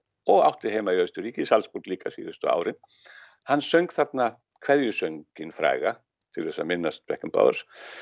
Söngin eftir Francesco Santori sem heitir á ítalskunni Conte Partioro, Partiro og eh, heitir, venulegast og þekkja menna, hann söngin til enska heitinu Time to say goodbye og er ekki bara upplagt að hlusta á Káfmann, syngja þetta lag til minningar um Beckenbauer í lokin. Það er upplagt. Takk fyrir spjalli í dag Artur Björgum Bodlason í Berlín. Takk sem er þess.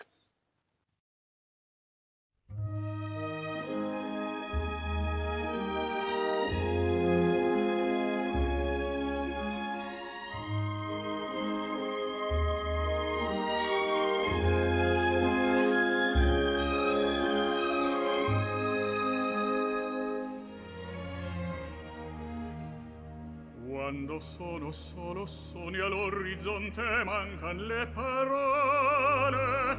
Sì lo so che non c'è luce in una stanza quando manca il sole.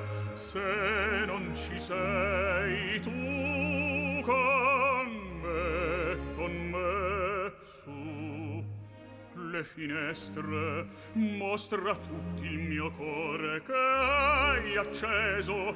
Chi dentro me la luce che ha incontrato per strada.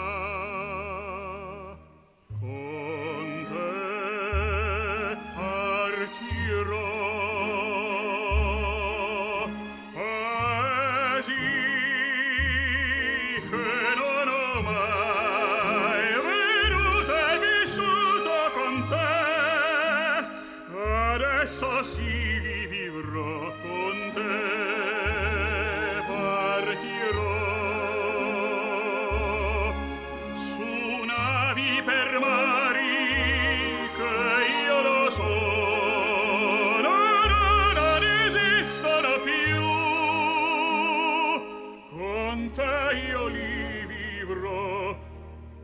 Quando sei lontana sogna all'orizzonte mancan le parole. E io solo so che sei con me, con me. Tu mia luna, tu sei qui con me. Mio sole, tu sei qui con me, con me, con me.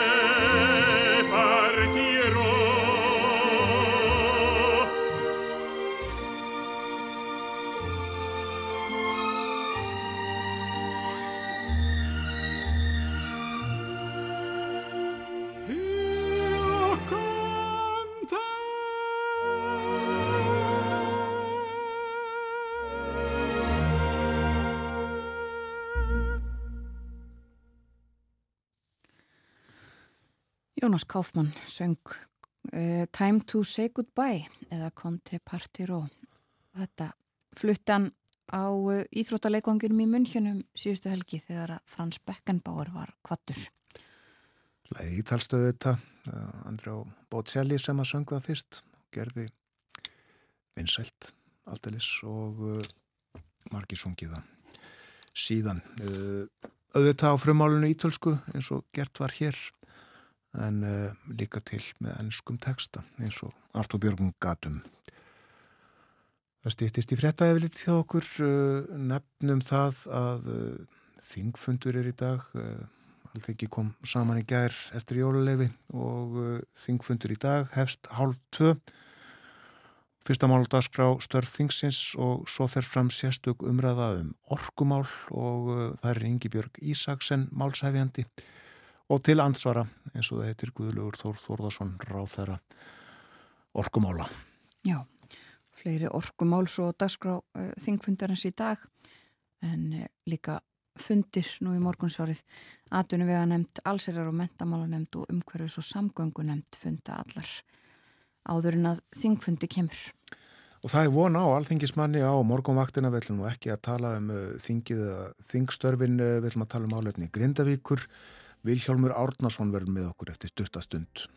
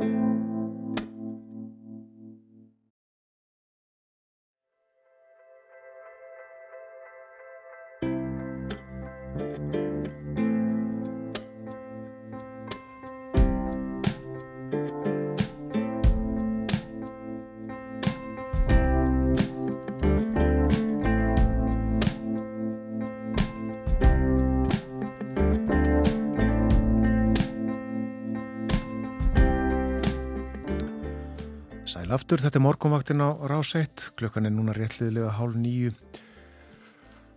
Hugum aðeins að veðrinu, það verður östlegað að breytilega átt á landinu í dag, 3-8 metrar, kassara með söð-östur ströndinni, jél og hitti í kringum frostmark sunnan og vestan til, en lengst af þurft og frost 2-9 stig fyrir norðan og austan, þetta er spáðan fyrir daginn í dag.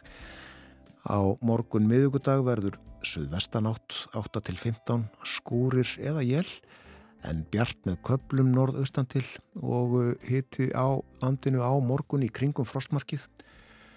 Á uh, fymtudaginn kólnar svo uh, verður nokkuð kvast sunnanátt, kvast sunnanátt 13-20 metrar, rigning eða slitta og uh, talsverð úrkoma sumstaðar á fymtudaginn. Uh, snýst svo í suðvestanátt þegar líður á daginn með jæljum og kólnandi veðri.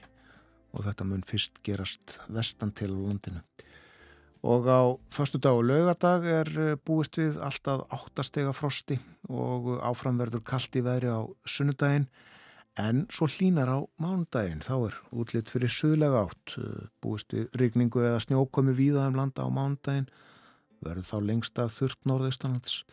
Og hitti jafnvel að fimm stegum setnipartin á mándaginn og uh, það á við um uh, landið sunnavert uh, maður búist í svolítlu frosti fyrir norðan og austan. Já, klukkan er réttliðilega hálf nýju. Það líður að því að takja byrta á landinu. Það mun gerast fyrst fyrir austan og byrting þar eins og það heitir upp úr nýju, fljótlega upp úr nýju uh, til dæmis uh, á að byrta á eskifyrði uh, þegar klukkan er 8 minútur gengin í 10 en uh, tölverð setna um klukkustund setna vestanlands vestfjörðum til dæmis þar uh, byrtir löst fyrir klukkan 10 svona er gangurinn í þessu í dag. Uh, nú aðeins að umferðinni það er vetrarfærð víða segir vegagerðin vetrarfærð á vegum um alland en uh, vegir víða greiðfærir á höfuborgarsvæðinu og uh, aðtekli vakin á snjóþekju á Suðvesturlandi einnig á Vesturlandi og hálka þar eitthvað um hálku snjóþekja á flestum leiðum á vestfjörðum. Þæfingur á vestfjörðavegi og hálka víðast hvar á Norðurlandi og Norðausturlandi snjóþekja sumstaðar og hálka líka talsverð á Östurlandi einnig á Suðurlandi og uh, Suðausturlandi. Og snjóþekja á vegum útvegum eins og það er kallað. Nú við höfum uh, spjallaðum ímislegt í þættinum það sem aðver og uh, fórum í það í spjalli með Þórðisna Júliusinni hér upp úr hálf átta.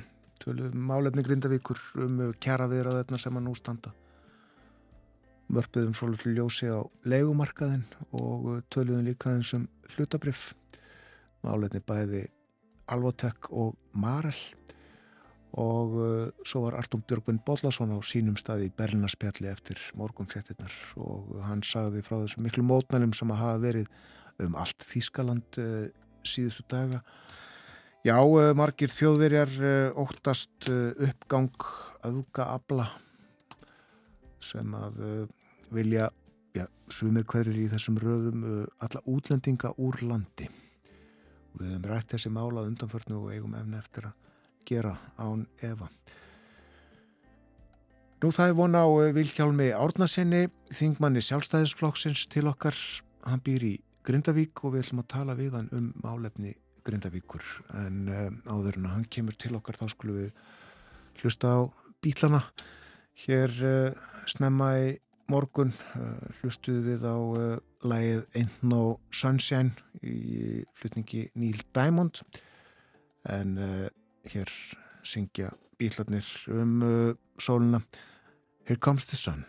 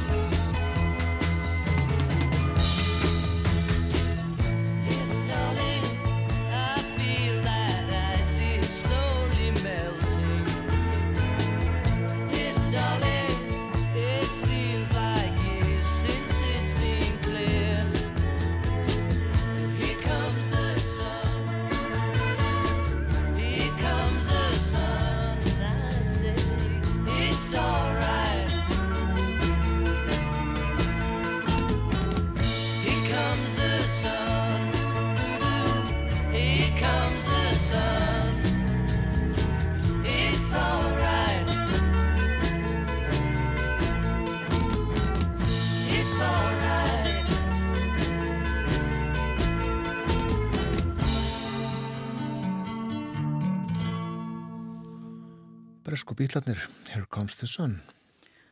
Og þá er komin til okkar Vilhelmur Átnarsson, þingmaður sjálfstæðisflokksins og grindvikingur. Velkomin á morgunvaktina. Já, takk fyrir. Um, ertu ánæðið með þær aðgerðir sem voru kynntar í gæri af ríkistjórninni? Já, ég er ánæðið með þær sérstaklega stóra aðgerðina að áformin séu að losa fólki undan skuldbindingunum og, og losa EFI út úr eignónum þó að svo útfæstlan hvort að við munum halda einhverju eignateginslu húsnæði eða forgjöpsrétti eitthvað, það er það sem að teku bara við núna og svona stór og við að mikil ákvörðun, það er náttúrulega smá tíma í undirbúningi og við skiljum það alveg til þess að það kemur líka bara betur út fyrir okkur sjálf. En þessi stóra yfirlýsing, uh, hún er mikilvæg? Þetta er alveg gríðarlega mikilvæg yfirlýsing út af því að núna er uh, náttúrann við völd, þannig að þessi yfirlýsing hjálpar okkur þá að hætta að hugsa um þá óvissu og geta að fara að vinna úr, úr þessu, þessu heimilisleysi okkar.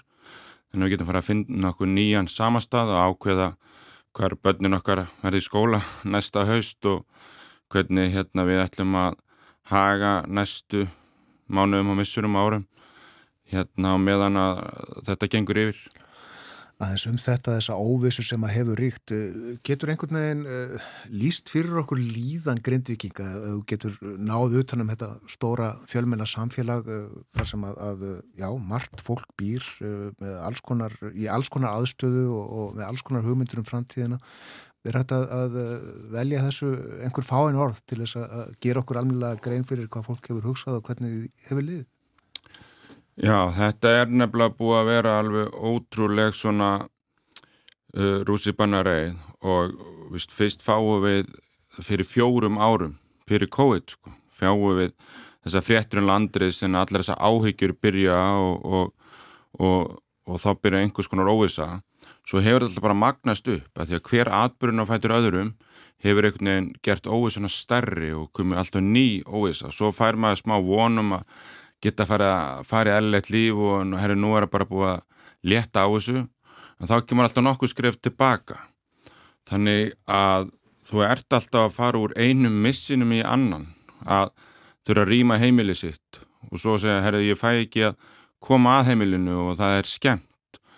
Og svo allt í henni þegar þú ert farin að áttaða því að þú ert ekki að fara að taka þátt í sama samfélagin aftur og þú þart að fara að finna nýjar vistaverur sem að verða aldrei það er sömu og, og, og þú ert, þú sóttir í. Að því að Grindavík er með stort og öflut samfélag og margir hafa flutti Grindavík til þess að eigna sín eigin hýpili og reyna að lifa aðeins meira frelsi. Og núna eru þau bara allt innu komin á fastegnumarka á Suðvesturhóttinu sem að ásir engan líkan. Uh, þetta er mikill íþrótabær þannig að það er ekkit endilega mörgum stöðum sem þú finnur þannig að þú getur stunda svona margar íþrótti fyrir svona láttu verð og börnin geta líka gengið í skólan þau eru ekki að skulla þannig að, að meðan við erum svolítið svona í þessari óvössu með börnin og, og að sirkja heimilið en þá líka að sirkja samfélagið og frelsið og íþróttabæin og, og samheldnina. Og, og hérna þannig að, að, að það er líka svo erfitt sem að gerist maður verður svo varnalus að því að, jú, það voru ekkit allir neitt bara fæstir mjög hrættir við hraunrensli við áttum alltaf vona að getum ekki hraunrensli og treystum þess að varnagarða og, og svona. En svo þegar jörðin opnast bara undir manni í hörmulegu slísi að þá einhvern veginn það er engin fyrirbóðið því og, og, og við sjáum þess að sprungur út um allt og ef það er ekki hægt að fylla upp í þar og það þannig að þú veist, þú er komið hraunrenslis, jærskjálta og svo sprungu einhvern veginn, þannig að ógninar eru svo margar að þetta bara magnast alltaf upp og það er svo erfitt að horfa upp á samborgarinu sína að vera svona slegna yfir þessa, sorgmynda og slegna og maður fann það bara síðasta mánudag að, að þetta var komin á okkur nýtt stig því miður. Já, og þannig við förum í svona uh, þessi úrlausnar efni sem eru framöndan að, að þá eru þetta nefna líka aðstæður fólks eru mjög misjafnar uh, margir eiga vini og fjölskyldu annar staðar uh, sem að búa eppil vel og, og, og fólk getur uh, leita skjólsjá en svo eru svo er þetta fólk sem að þekkir engan á Íslandi. Já, það, þetta er alveg rétt. Og það búið til dæmis mikið innflytjandi með Grindavík sem maður áttaðis ekki á að vera svona margir fyrir en að þetta kemur upp að því að þetta er bara samildi samfélag og, og hérna þau aðlaðast vel. En margir af innflytjandunum þau fóru bara til síns heima og hérna fyrirtækin, eins og útgjara fyrirtækin og blálónin hleyftu þeim bara heim af því að það var auðveldara heldur en að finna húsnaði hér. Og einhvern veginn gegnum allt þetta ferli þá hafa verið svo margar upplýsingar margar hverja misvísjandi og það verið erfitt fyrir okkur innfættu að skilja þetta allt saman. Hvernig er það þá fyrir fólk sem eru öðru tungumáli? Þannig að, að það er ekki og svo líka bara á þessari tæknu eldur eld, eldri kynnslóðin sem er búin að komin í, í kvildina búin að skila sínu æfistarfi og vinna sína, hérna, koma sér í sitt heimilis öryggi að nú þurfa þau að vera upp á önnur komin og, og, og vita ekki þarf að fara að taka stórar ákvarðanir og, og hafa áökjur af, af þessu öllu. Ég, hérna, þetta, þetta er svo marg breytilegt og svo er náttúrulega margir sem eru bara með sínar áskoranir og annars líkt sem að þarf að fara eitthvað í nýjan farveg núna og annars líkt í nýju umhverju. Já, já ymitt, sko, eldra fólk og það er kannski margt af þessu eldra fólki sem þú nefnir uh, hefur búið í Grindavík meira með alla æfi og kannski á ymitt uh, afkomendur sem að hjálpa líka til við að, að fólk geti verið heima venjulega og þetta er líka allt saman í loftu, það er ekki endilega að fólk geti verið á, á sama stað eða nálagt hverju öðru. Nei, einmitt, þau hittust alltaf reglulega til með selburgarar í Grindavík og í svona litlu samfélagi að þá fylgist náðungi með hver öðrum og aðstóðar og annars líkt núna ertu bara kannski komin í eitthvað umhverfið sem enginn þekkir er, veit enginn af þínum þörfum og annars líkt þannig að, að það er það eru óteljandi atriðin sem að koma upp á, á, á, á hvernig degi, svo fyrir utan atununa þína, sko, sumir að missa heimilið sitt en hvað með vinnustæmin er að, þarf ég að finna mig nýja vinnu, nýtt heimili og, og, og allt þetta sko? Já Já, heimurinn er bara í já, algjörri óvissu hjá fólki. Eh, hefur þú einhverja yfirsinn yfir uh, stöðuna uh, húsnæðismálin uh, sko, cirka hvað eru stór hópur sem allir er bara ekki komin í neitt skjól eða hvað er stór hópur sem að kannski hefur fengið einhverja aðeins meiri langtíma lausn á sínu málum? Já, það er verið að kanna þetta allt saman núna, ég er ekki já. alveg komið niðurstöðunar en fyrir viku síðan þá hugsa ég að mestalagi eitt þriði að fólkina hafa verið komin í langtíma úræði og þá kallum við langtíma úræði sex. Já. Þannig ég við segjum að hver dagur hjá okkur eins og hérna líða eins og heil vika fyrir vennulega mann. Þannig að, að og það eru alveg rosalega stór hópur sem er ennþá í skamtíma úrræði inn á vinum og ættingum og ég talaði fólki gær sem er að missa íbúðina sína núna um helgina og alltaf þá bara dreifa sér um og, og, og það er fólk sem að býr kannski fjölskyldur mörgdæmum það að búa fjórum-fimm stöðum. Þannig að húsnæðismálinn eru alls ekki komin í, í gott mál. Og svo meðan þetta hafa áökjur af heimiluninu er vatn eða ramagn inn í heimiluninu er allt frósið hvernig fæ ég ná í vistaverðuna mínar og allt þetta Já. þá ertu að líka leita þú ert á fastegnamarkaði mjög erfið fastegnamarkaði vona allar þessar áökjur sko. Þannig að húsnæðismálinn eru bara alls ekki í góðum málum. Nei og uh, svo er það, já, þessar aðgerðir sem að uh, tilkynnt höfur þum að greipi verði til þó eins og þú sagði sjálfur á þann útferðslan sé ekki alveg komin. Uh, og þar er þetta ímislegt óljóst líka, það verður ekki verið gefið út til dæmis við hvað á að meða og að meða við brunabótamat, fastegnamat, markasverði, egna og þetta spilar auðvitað allt inni líka eins og það sem þú segir húsnæðismarkaðurinn er erfiður. Þetta, þetta, hérna, þetta spilar allt saman inni í að brunabótamati er almennt herra í Grindavík, svip og fastegnumati aðeins herra og svo hafi fólk náttúrulega miklu á ekki hvort þess að vera að taka eitthvað förgunagjald inn í og annað slíkt sem ég ætla nú rétt að vona ekki að því að brunabótamati er endurstopp verðið eignar enn fyrir utan svo lóðina og, og undistöðnar þegar maður á að byggja sama stað sko, svona í grunninn.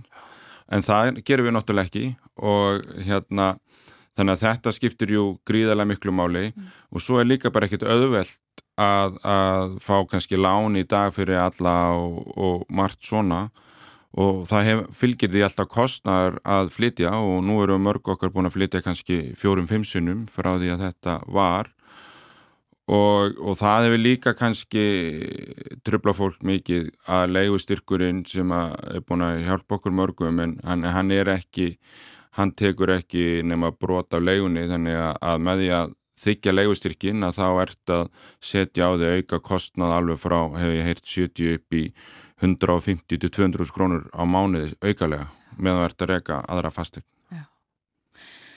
Og eins og segir, fólk fær ekki að, að, að vitja heimila sinna það á kannski allt til alls heima hjá sér en það hefur ekki aðgangan einu. Nei, það er, það er svolítið hérna málið að þú hefur ekki aðgengið þar og, og svo líka voru margi sem að sættu þessu við bráðaböru úrræðin og voru ekkert að sækja dóti að þið trúðu að vera fara heim. Já. en svo er bara algjörlega allt loklokkur læst núna og hlutaði sem fólk hefur verið að að svona gaggrína að, að svona fjölmjölumenn og aðrir fái að fara inn um allan bæin en þeir sem að búa á svona bænum þar sem að sprungunar er ekki svona opnar og annað slíkt að þeir fá ekki að vitja eiga eigna sinna mm. Er það þó mikilvægt að, að það vil líka verið tekið á skara með það að það sé verið að vinni því að hjálpa fólki við að flytja búslóður og geima þér? Já, það skiptir miklu máli og, og, og ég fundi það gegnum allt þetta ferli. Það er náttúrulega margir sem að, hérna, hafa sagst aldrei alltaf heim og sumir alltaf heim og svona en þetta hefur skipt alveg bara frá 10. november þegar við fengum að fara fyrst hérna heim einhvern mann, ég fór á mánudeginum eftir það örglöfum 14. november að maður leið svo miklu betur að koma heim og, og jú, það er mikla skemmtir en, en þú upplifir bæðin ekki alveg þannig og hann er bara, hérna, var gott að koma heim og fá að sækja eigu sínar, það bara skiptir rosalega miklu máli. Þannig að eftir að fá svona stóran atbyrjum síðustu helgi og ekki það að fengi að fara heim er mjög erfitt. Mm aðeins að uh, útfæslinni sem ekki, ekki liggur fyrir enn eins og við höfum komið inn og, og sko höfum það líka í huga að tímin vinnur ekki með okkur. Þetta þarf að gerast mjög hratt. Uh, það hefur verið sagt uh, við þurfum að hlusta á grindvikinga við þurfum að gera þetta eins og grindvikinga vilja. En uh, grindvikingar hafa svolítið ólíkar hugmyndir um þessa hluti. Uh, verður hægt að mæta óskum allra? Nei, þa það... Þá á ég við náttúrulega innan einhverja eldara marka. Já Sko ég held að sama hversu góð þessu útfæsla verður, við verðum alltaf verð sett á eftir. Það er bara þannig og við verðum aldrei öll sátt við útfæsluna og, og, og það er bara þessi náttúru hanfarir eru búin að valda okkur tjóni og, og ég held að það veri seint bætt því miður. En hún þarf að vera samt svolítið gangan og lánt og vera ná almenn svo hún grípi sem flesta og það er ekkit allir sem að hérna, flestir meiriparturinn að vonast eftir brunabótamatinu en það er líka alveg aðri sem að hérna, það kemur sér ekki vel fyrir eru kannski búin að fara í mikla frangandir ekki búin að uppfæra það hérna brunabótamatið og búi í gömlum húsum og kannski búin að gera þau upp en ekki uppfært og það er margt svona sem á eftir að koma upp og svo líka þetta, þó að sé búið að borga mig út og, og losa mig veðbendin en þá bara fæ ég ekki greiðslumat eða ég get ekki hérna ég er með stóra fjölskyldu og ég hef mjög miklar áhugir af fólki sem er með sérþarfir, það er gott aðgengi og annað slíkt að það eru kannski íbúðnar bara dýrari og líka fólk sem er, og það er mjög margar fjölskyldu sem eru 5, 6 og 7 manna í Grindavík, bara meira heldur en gengur að gerist. Og þau getur ímyndað ekkur hvernig það er fyrir fjölskyldur að finna 6 söfnherbyggja íbúð á söðvesturhóttminu, það og, og þú þarf nú að hafa ansi góða tekið til þess þannig að það mun, það mun alveg vera gríðarlega mikið af svona atriðin sem munu held áfram að koma upp. Og verður með einhverjum hætti að taka tillit til þessa? Uh, Nei, það verður erfitt, nú erum við uppfæra leigustyrkinn til að taka meira tillit til þessa og, og, og þannig að það er bara mikilvægt fyrir okkur einmitt að að hlusta eftir þessu og reyna að mæta sem flestum svona atriðum. Og þetta er ekkit einn og einn, við vitum að þetta er stórhópur og þannig að þá er og þá er hægt að, er hægt að finna ymsar aðra lausnir með stóru lausninni, er hægt að setja einhver stuðningslán, hlutildalán er hægt að tryggja einhverja læri vexti eða eitthvað? Við eigum ímyndslinn svona tæki frá annar staðar úr samfélaginu. Gera leiða okkur að nota sérregnarspartnaðin, skattfrjálst eða afsláttu stimpilgjöldum. Það er ímislegt svona sem er vonandi hægt að, að gera til þess að fækka þessum tilf jáðartilfellum. Mm. Tölum aðeins eh, um fyrirtækin, þú komstur á það þetta, eh, að þetta er líka eh, atvinnu óryggi hjá fólki sem hefur unnið í Grindavík og, og það verður svolítil umræðum það líka núna, bara hvað, hvað með fyrirtækin í, í Grindavík, eh, hvað sér þau fyrir þeir í, í þeim efnum? Er verið að ræða það hvernig eh, hægt verður að bregðast við þar umfram það sem við höfum heyrt þá að fara í, í styrki og, og fleira slíkt? Já, ég, hérna, það eru nokkur atrið sem skipta máli þar og, og þar sem er orðið ljóst að það er ekkert að búa staðaldri bænu núna um, um mjög langan tíma og, og þessi stóra lausnum að, að greið okkur út úr húsnaðunum er komin að þá held ég að við eigum að nýta svolítið tækifærið og setja meiri kraft í það að taka út svæðin þar sem að atvinni fyrirtækin eru. Þannig að þau fyrirtæki sem eru með innviði Grindavík eins og sjárútsfyrirtækin og svo blá lónið og hásorka að þar sé allt áættum að setja í forgrunn þannig að sé að, að halda hjólum atvinnlýsins gangandi og þurfum þá mögulega að styðja þau við að nýta húsnæði Grindavík. Þetta eru aukinn kostnar við að setja upp aukna vöktun öryggi og keira fólki inn og allt það inn í bæinn og og það mun skipta miklu máli upp á einmitt að halda fyrirtækjanum í, í bænum og, og, og að fólki sé með sama vinnustad áfram. Og, það mun líka koma bara vel út fyrir ríkisjóða því að meðan þau eru ekki störfum þá þurfum við að borga 100% launin. Þannig að ég held að það skipti máli en svo eru önnu fyrirtæki sem að geta leikt sér annar staðar eins og harkulustofur, tanglæknirinn og svona matreysli fyrirtæki sum og ímislegt sem að við þurfum þá að gefa öður annars konar húsnæðistyrk í að, að leia sér annað húsnæði þannig að þau getur þá opna á nýjum stað hér á Suðvesturrónunu og bakaríið og hjá höll og allir að auðlýsa eftir húsnæði núna og svo er það þriðji aðlinn sem er kannski matsölustæður og ferðarþjónustu fyrirtæki á staðunum sem get ekki fengi viðskiptavinninni sína og miðast við þennan stað og það þarf náttúrulega einhvers konar ekstra styrki þangað á meðan þau býða hvað verður sko. Já, það er að fjölmörgu að huga og, og uh, það er verið að gera það og eins og við nefndum hérna tíminn vinnur þetta ekki með neinum. Eh, Kærar þakkir fyrir að vera með okkur á morgunvaktinni í dag Vilhelmur Otnarsson og ræða við okkur um málumnu grinda ykkur. Takk fyrir mig. Umræða hér uh, degi eftir að ríkistjórnin uh, kynnti áform sín í eh, þessum málum og eh, við höfum eftir að fjalla enn frekar um þetta. En morgunvaktin er lokið þennan daginn, eh, Björn Þór og Þórun Elisabeth þakka samfélgina síðan snemma í morgun og við verum hér aftur í fyrramáluð. Já, bjóðum góðan dag þegar klukkunum vandar tíu mínútur í sjö eins og alla virka daga. Njótið dagsins og verið sæl.